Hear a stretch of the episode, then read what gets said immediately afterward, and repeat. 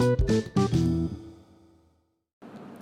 صباح الخير وشعاع من جديد. معكم عمرو حسين الألفي رئيس وحدة الأبحاث شعاع الأوراق المالية مصر. الساعة الآن 12 صباحا بتوقيت القاهرة يوم الاثنين الموافق 5 أغسطس 2019 في قصة اليوم بنشير للتقرير الاقتصادي اللي أصدرته أمس الزميلة إسراء أحمد محلل اقتصادي أول بالشركة واتكلمت فيه عن رؤية للأداء أو مراجعة لأداء الميزان المدفوعات بالنسبة لمصر وما يعنيه الأداء دوت وتوقعاتها بالنسبة للجنيه المصري قصاد الدولار. طبعا التقرير فيه تفاصيل أكتر ولكن هنلخصه سريعا كده ونقول إن طبعا أداء ميزان المدفوعات اللي البنك المركزي أصدر بياناته من عدة أسابيع. لما نيجي نبص عليه بنلاقي إن طبعا الميزان التجاري حصل فيه تدهور. يمكن العجز زاد من الربع الثالث العام الماضي العام المالي الماضي اللي هو كان 2017 2018 كان وثلاثة من عشرة مليار جنيه دولار وزاد العجز دوت لعشرة ونص مليار دولار في الربع الثالث العام المالي 2018 2019 طبعا الربع الثالث اللي بينتهي إحنا كنا زي ما إحنا عارفين بينتهي في 31 مارس. طبعا ده العجز التجاري زاد وكان مشكلته الأكبر إنه جت من العجز التجاري غير النفطي اللي هو الحقيقة بياكل أي تحسن في الميزان التجاري للنفطي. بالنسبة طبعا العجز دوت يمكن هو اللي بيأثر بصورة كبيرة على زيادة العجز بتاع العجز الميزان الجاري اللي إحنا شفناه الحقيقة إن هو زاد برضو زاد سنة على سنة وربع على ربع وصل ل 3.75 من 100 مليار دولار مقارنة ب 2.1 مليار دولار فقط في الربع السابق ومقارنة ب 1.9 مليار في الربع العام نفس الربع الربع الثالث من العام السابق. بالنسبة ليه طبعا زيادة العجز بالنسبة للميزان الجاري أو الحساب الجاري طبعا مشكلته إن هو بيتأثر بالسلب بكذا عامل. عندنا أول حاجة إن طبعا ال trade deficit اللي لسه هنتكلم عليه أو الميزان التجاري العجز بتاعه زاد.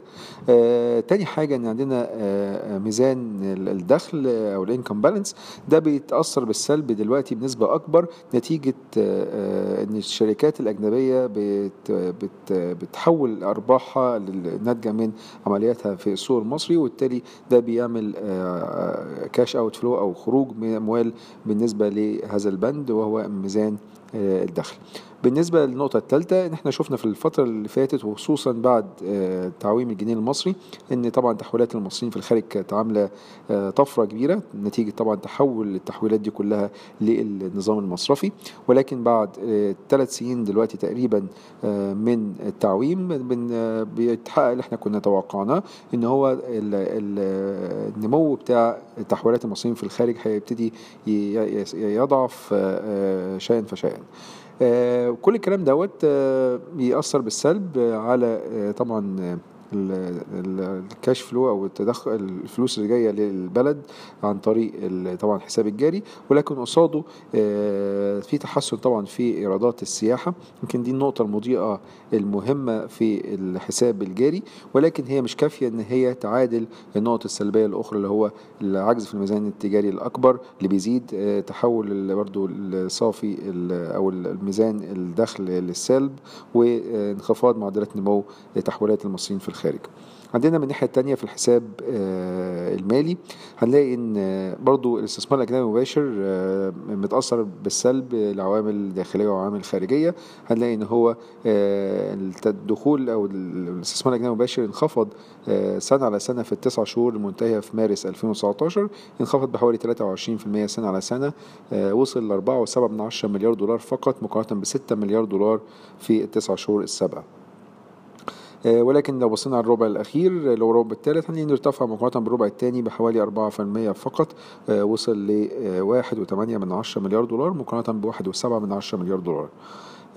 كل الكلام ده طبعا أنا بصينا على ال balance of payment أو ميزان المدفوعات بصفة عامة هنلاقي طبعا إن حقق في الربع الثالث فائض بحوالي واحد وأربعة من عشرة مليار دولار مقارنة بفائض خمسة وأربعة من عشرة مليار دولار في الربع الثالث نفس العام نفس الفترة يعني بس العام السابق. هنلاقي إن هو تحول من عجز في الربع الثاني اللي هو اللي فات ده على طول لفائض. ولكن لو جينا نبص على التسع شهور الأرقام يعني مش إيجابية بصورة كبيرة. هنلاقي طبعا إن الفائض بصفة عامة في التسع شهور انخفض. بحوالي 11.3 من 10 مليار دولار مليار دولار. كان الأول في التسع شهور السنة اللي فاتت 11 مليار دولار بقى عجز بحوالي 351 مليون دولار. يعني تحول الفائض بصورة كبيرة إلى عجز. طبعا نقط مهمة من الميزان المدفوعات في التسع شهور وده اللي إحنا عندنا concern عليه. إن طبعا إن الميزان التجاري بي بي بيسوق دلوقتي بنلاقي إن الميزان التجاري العجز بتاعه بي بيزيد خصوصا في العجز غير النفطي أو الميزان غير النفطي. وده طبعا اللي هو بيأثر بالسلب على المدى الطويل.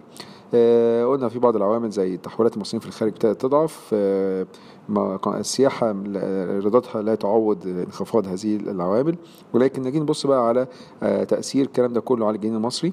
طبعا نظريا أو بناء على الأساسيات الاقتصادية إن بوضع هذا يعني زي ما مدفوعات بهذا الوضع المفروض بيضعف العملة بتاعة الدولة. ولكن شفنا في منذ بداية عام 2019 إن الدولار طبعا انخفض قصاد الجنيه. الجنيه ارتفع قصاد الدولار بحوالي 8% ده على ال short term وده إحنا بالرغم من الأساسيات السلبية اللي شفناها في ميزان المدفوعات في القراءة بتاعتنا في التسع شهور حتى الآن لحد مارس لغاية مارس. برضو شايفين إن على المدى القصير ممكن الدولار ينخفض قصاد الجنيه لكذا عامل. من ضمنهم طبعا مؤخرا ال Federal Reserve نزل الفايدة على الدولار بحوالي ربع في المية. ما زال البنك المركزي المصري لم يستأنف الدورة التيسيرية بتاعته. ممكن متوقع إنه يبتدي ينزل فايدة على أغسطس أو سبتمبر على حسب قراءة طبعا أسعار التضخم بتاعت شهر يوليو اللي هتطلع في الأسبوع الأول من أغسطس إن شاء الله. خلال أيام. دي حاجة. وحاجة تانية طبعا استثمار طبعا الأجانب في أذون أو سندات الخزانة المصرية بيستفيد من حاجتين العملة الفايدة المرتفعة اسعار الفايدة المرتفعة وكمان ارتفاع قيمة العملة اللي هو الجنيه المصري مقارنة بالدولار فبيكسب فيها كمان مرتين مرة على العائد ومرة على العملة. كل الكلام ده بيساعد على دخول أموال أكتر للسوق المصري كسوق ناشئ. ولكن دوت على المدى القصير وده ممكن يساعد العملة إن هي آه ترتفع نسبيا في المدى القصير ولكن على المدى المتوسط وطويل الأجل شايفين انه هيبقى في انخفاض في قيمة الجنيه مرة أخرى نتيجة استمرار العوامل المزمنة السلبية بالنسبة لميزان المدفوعات من اتساع العجز التجاري من عدم ارتفاع إيرادات السياحة بصورة كافية عشان تعوض تباطؤ التحويلات المصريين في الخارج عشان تعوض خروج الأموال عن طريق تحويل الأرباح للشركات الأجنبية في مصر.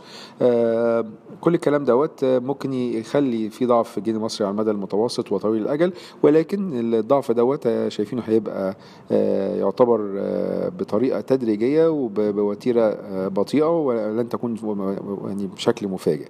التوقعات بتاعتنا بالنسبة للدولار على حسب التقرير اللي أصدرته إسراء أحمد بنتكلم عن توقعاتنا لمتوسط الدولار قصاد الجنيه في العام المالي 2019 2020 خفضناها من حوالي كان 17 ونص نزلناها لحوالي 16.98 قرش. السنة اللي بعديها اللي هي سنة 2021 المتوسط شايفينه 17 جنيه ونص تقريبا والعام المالي 21 22 شايفينه في حدود تحت ال 18 جنيه في التوقعات بتاعتنا وده كانت حوالي 18 ونص قبل كده. فتقريبا كل التوقعات نزلناها بما يساوي تقريبا نص جنيه في للدولار يعني تاني السنة المالية اللي إحنا فيها حاليا. المتوسط بتاعنا شايفينه حوالي 17 جنيه يزيد ل 17 ونص وبعد كده تقريبا 18 جنيه على 2021 2022 كل الكلام دوت شايفين إن هو السيناريو بتاعنا إن الضعف بتاع العوامل السلبية اللي موجودة في الميزان المدفوعات هترجع وتأثر علينا بالسلب على المدى المتوسط والمدى طويل الأجل ولكن مش هتبقى بصورة كبيرة هتبقى بصورة تدريجية بعد ما طبعا يبتدي نشوف انخفاض في أسعار الفائده في مصر ويبتدي الاستثمار في أذون وسندات الخزانة المصرية يبتدي يقل مع الوقت. تفاصيل أكتر موجودة في التقرير بتاعنا شكرا لكم السلام عليكم ورحمة الله وبركاته.